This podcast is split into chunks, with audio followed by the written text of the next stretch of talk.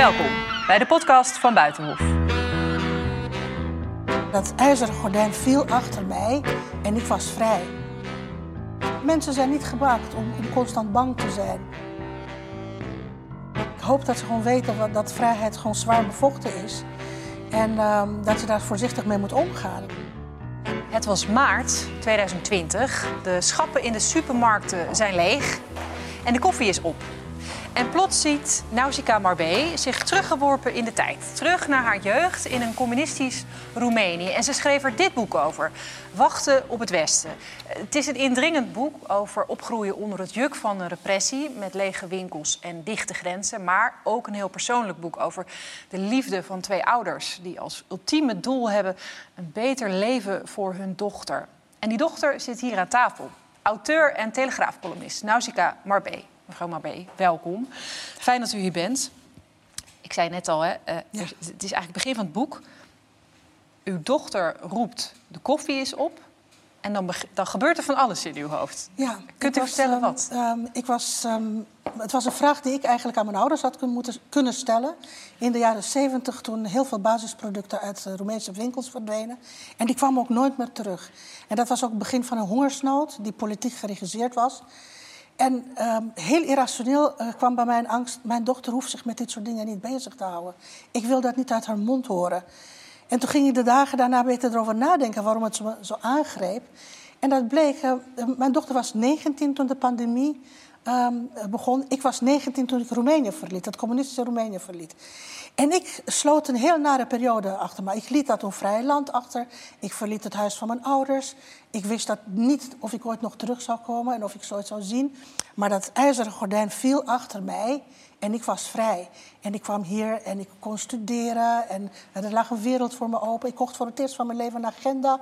Ik maakte daar afspraken in. Ik had perspectief en een toekomst. Ja. Mijn dochter maakte op haar 19 precies tegenovergestelde mee. Uh, die uh, werd geconfronteerd met een universiteit die haar de deuren dicht deed. Ze kwam terug bij ouders wonen. Ze was um, bang om met vrienden af te spreken, naar buiten te gaan. Geen boete, voor boetes die ze kon krijgen. In haar agenda werden alle afspraken doorgestreept. En toen dacht ik, ja, zij gaat een moeilijke periode meemaken. Ik heb om heel andere redenen, een politieke redenen, een, een, een 19 jaar 19-jarige quarantaine meegemaakt, een politieke quarantaine. Ja. Maar ik moet ergens handvaten voor haar zoeken en voor mijn zoon ook.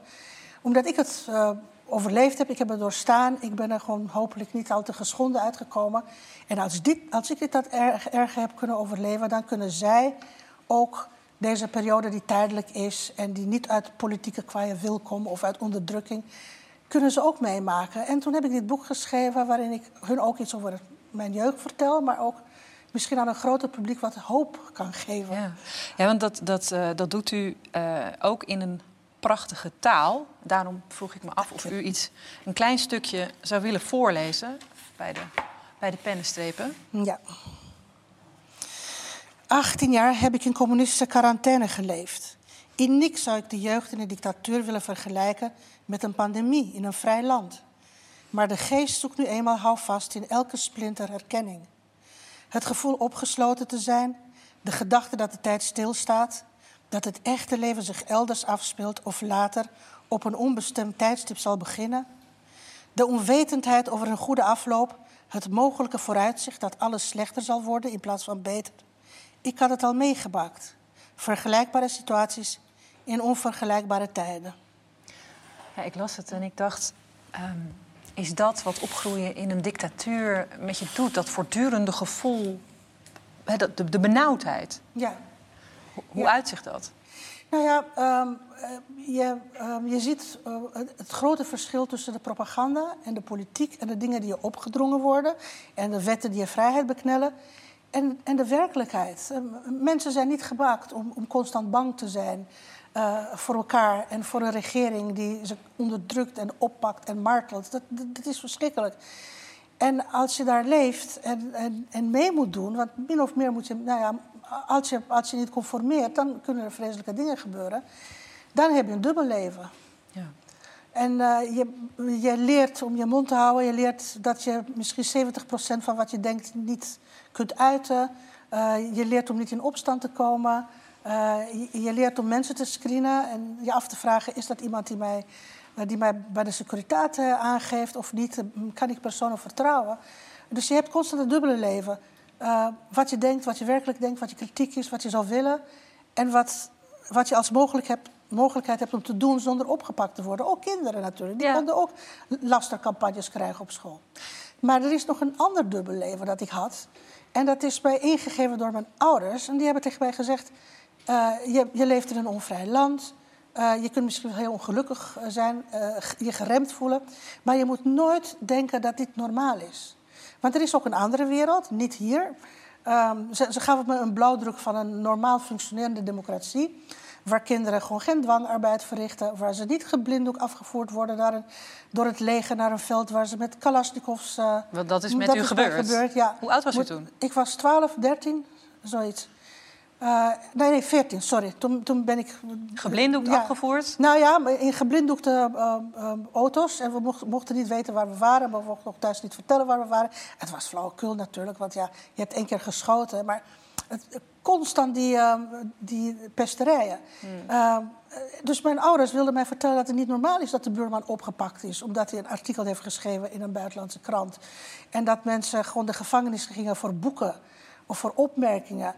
Uh, of voor, voor, voor, voor het feit dat ze gewoon een klein verzetje hadden georganiseerd. Dat ze kritiek hadden ja. op, uh, op de, de, enige partij en de enige leider. Ja, want het is, het is natuurlijk iets wat, heel, wat nu heel regelmatig wordt genoemd door mensen in de, in de coronapandemie. We leven in een dictatuur. Maar hoe is dat voor iemand die, die in een dictatuur heeft geleefd? Nou ja, ik, um, ik um, begrijp dus gewoon dat gebrek, gebrek aan historische kennis niet. Hmm.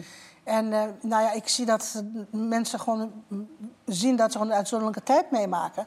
En dat vrijheden worden ingeperkt. Maar dat heeft, ze zien het grote verschil niet. Hier hebben we dat omdat er gewoon uh, maatregelen worden genomen om de volksgezondheid te beschermen, om mensenlevens te beschermen, om de maatschappij enigszins te loodsen door, door deze natuurramp die een pandemie is. En soms lukt het niet en soms uh, vraag je af of we inderdaad niet aan grondwetten komen, dat hebben we het gehad. Uh, soms zijn de maatregelen tegenstrijdig. Maar het heeft niks te maken met, um, met die historische tijd die we allemaal goed kennen uit de Koude Oorlog in Europa.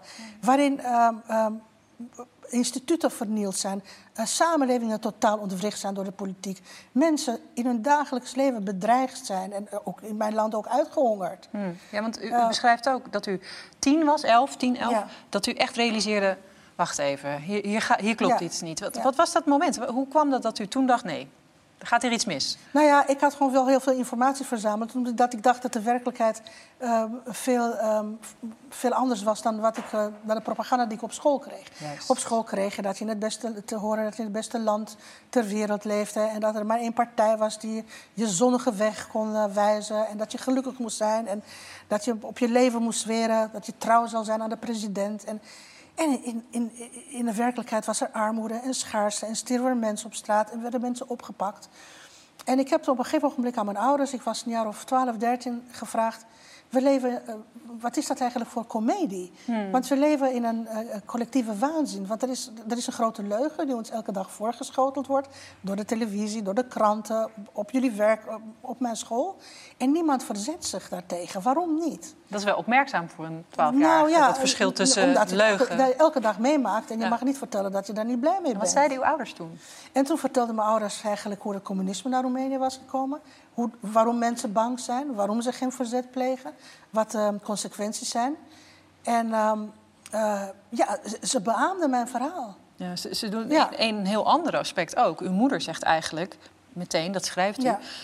Nu gaan we bouwen aan een zo apolitiek mogelijk leven... Ja. dat je alsnog gelukkig kan maken. Dus dat was één ding. En het tweede was en aan je verhuizing naar het westen. Ja. Hoe zag dat eerste deel eruit, dat apolitieke leven? Nou ja, ik, ik raakte dus in paniek, dus ik vroeg een perspectief. Ja. ja. En um, uh, het was, ja, er zijn heel veel parallellen met corona in het boek. En één ding dat we thuis besloten is... we moeten ons eigenlijk vaccineren tegen het communisme. We moeten het gewoon echt uh, niet zo dichtbij uh, laten komen. En we moeten zeker niet zorgen dat het ons niet, niet kapot maakt. Ja. Uh, het eerste wat je doet is bouwen aan een um, grote vriendenkring. Want je hebt, je hebt behoefte om jezelf te zijn en om uit die leugen te breken. En dat kun je alleen maar onder vertrouwelingen. Dus dat doe je. Je zorgt dat je heel veel mensen om je heen krijgt die je begrijpen, die jij begrijpt, die kunnen steunen. Ten tweede hebben we ons gevoed met kunst en cultuur en, en mooie uitjes en reizen. En we pakten echt alles wat er te pakken viel. Om nou ja, wat schoonheid en wat, wat ook gezelligheid en, en um, dingen waar je over kon nadenken. En dingen die misschien, er was eigenlijk ook veel. Er was toneel, er was film, ja. er was veel muziek. Mijn moeder was componiste, dus ze had altijd concerten. Uh, dat was een soort beschermlaag ja. tegen de lelijkheid en tegen de leugens van de dictatuur. En, en het perspectief. Hè? En het perspectief u zegt, was, ja. U, uw moeder was een bekende componiste ja. die dus ook mocht reizen hè, door Europa. Dat, dat, is wel uh, belangrijk. En, en, en ze is vanaf dat moment heeft u rekening gehouden dat u er een keer wegging? Nou ja, ja maar je, je wist natuurlijk nooit wat er zou gebeuren. Nee. Maar ik had heel duidelijk aangegeven... ik weet niet of ik dat kan doen, een leven lang in leugens uh, leven. Uh, op school en daarna op de universiteit en daarna in een baan. Maar altijd... Ja, je leert het natuurlijk en, en je kunt het ook. Het wordt je tweede natuur. Maar het is, het is ontzettend benauwend en vermoeiend en, en slopend. Ja. En toen heeft mijn moeder gezegd, nou, we gaan er alles aan doen om je, om je eruit te krijgen. En dat was het moment waarop ik ging wachten op het Westen. Ja. Er waren ook veel mensen die wachten op een bevrijdingsleger uit het Westen. Na aanleiding van dit boek kreeg ik het verhaal van een vrouw die een vader heeft. Zei, mijn vader heeft tot de dag dat hij stierf in het communisme... gewacht op de Amerikanen om bevrijd te worden. Ik heb daar niet meer op gewacht. Ik had mijn hoop opgegeven, maar ik dacht ik moet uh, mijn lot in eigen handen nemen. En dat dachten mijn ouders ook. En ja, we, we, moeten zorgen dat ons, onze dochter naar de vrijheid gaat, gaat. Hoe moeilijk dat ook is natuurlijk, want je laat een kind, je laat die enige kind weggaan. En je blijft achter. Je weet niet of je ooit nog naar het buitenland kunt gaan om haar te zien. Want je dochter is een vluchteling. En dat is eigenlijk verraad ten opzichte van het glorieuze vaderland. Ja. Maar het, is, uh, het was de enige optie. Ja. En dan, toen dachten ze, nou, dan is er tenminste iemand vrij. En dan hoeft zij niet meer te lijden aan, aan de onderdrukking. Nee, want dat beschrijft u inderdaad aan het einde van het boek. Uh, schrijft u: Mijn moeder zocht geen beurzen, geen opleidingen en voordelige asielprocedures voor mij in het Westen. Ze zocht een thuis, een gezin, een zachte landing. De zekerheid dat ze mij kon achterlaten bij mensen die ervoor zouden zorgen dat het goed met me ging. Ja. Maar, en dan vervolgt u verder van dat hebben ze mij toen nooit verteld. En toen dacht ik, dat is nogal wat inderdaad, om op zoek te gaan naar een ja. ander gezin voor je enige dochter. Hoe was dat om dat op te schrijven? Oh, nou ja, uh, ik begreep, ik heb zelf kinderen, dus uh, ik, ik begreep uh, de zorg van mijn moeder. En als ik mijn kinderen naar het buitenland zou sturen nu, en natuurlijk is dat onder heel andere omstandigheden, en dan zou ik eigenlijk ook willen dat daar iemand is die ze een beetje begeleidt en die ze opvangt. En, uh, en um, het, het, is wel moeilijk. Kijk, wij, wij, wisten toen niet dat de muur zou vallen. Nee. En daarna uh, is de muur gevallen, acht jaar nadat ik hier, nou, zeven jaar nadat ik hier naartoe kwam. En toen kon van alles. En toen hebben we dit allemaal besproken. Al die angsten, alles wat we hebben meegemaakt, de twijfels. Maar voor haar moet het heel beklemmend zijn geweest. En um, ik was als 19-jarige bereid om alles te doen. Maar de ouders willen toch wel de beste plek voor een kind zoeken. Ja, dat perspectief, hè, dat, dat zit doorheen het hele boek. Uh, het perspectief ook op vrijheid. Um, heeft u daar iets aan gehad in deze moeilijke periode? Is dat inderdaad iets wat u uw kinderen heeft kunnen doorgeven? Ja, nou, mijn kinderen zijn opgegroeid met mijn verhalen. Ik hoop dat ze gewoon weten dat vrijheid gewoon zwaar bevochten is. En um, dat je daar voorzichtig mee moet omgaan. Het niet uh, mag misbruiken en bagatelliseren. En um, ik heb als, um, als migrant en als, als vluchteling, uh, komen naar een vrij land, altijd gedacht... het is mijn opdracht om mij aan te passen aan de vrijheid en aan de democratie. En het is het harde werk dat ik als buitenlander moet doen... Uh, in de laatste jaren zie ik eigenlijk dat, dat we allemaal, ik ben nu onderdeel van, van de Nederlandse samenleving, het is hard werk voor ons allemaal. Um, als ik dan de demonstraties, uh, sommige demonstraties krijg tijdens, tijdens de coronatijd, waarin mensen zich um, slachtoffers van de holocaust waren of van de, van de jodenvervolging, of zich presenteren als verzetshelden in de Tweede Wereldoorlog. Mm. En echt de indruk hebben dat hun ultieme vrijheid beroofd is en dat ze onder de tirannie van, van nou ja, dictatuur van tirannen leven en dat er tribunalen moeten komen om de mensen daarvoor te slepen. Dat worden ze opgehuurd natuurlijk ook door de extremistische hmm. partijen. Dan uh, uh, vind ik dat bevreemdend en ook beangstigend, omdat ik uh, zie dat ze gewoon niet alleen maar de geschiedenis niet meer kennen, maar ook het heden niet meer begrijpen. Ja. En dat ze gewoon in leugens leven, die ook door de politiek gevoerd worden. En ik herken dus gewoon die patronen ja. die ik ook had. en, en en, en ze doen het vrijwillig, in vrijheid. Ja. En dat, dat vind ik een verarming. En, en ja, zo, zo, zo wil ik het niet hebben in Nederland. Nee. Over dat historisch besef, daar zouden ze uw boek voor kunnen lezen. Want daar staat een heel duidelijk uh, verhaal maar, in. Ook, ja, maar ook voor, uh, voor hoe je gelukkig wordt onder vreselijke omstandigheden. Want ik, ik vertel nu uh, hier voorbeelden die misschien aangrijpend zijn. Maar ik heb ook een heel gelukkig leven gehad daar. Ja. We hebben mooie dingen met elkaar beleefd. En dat wilde ik ook mijn kinderen aangeven. Um, ja, uiteindelijk ben je gewoon onder welke omstandigheden ook... kun je iets voor jezelf zoeken. Iets dat je plezier doet. Iets dat je verlichting brengt. Ja. Vind dat en, en hou het vast. Ja. Mag ik u danken voor een ontzettend mooi boek en een mooi gesprek. Dank je.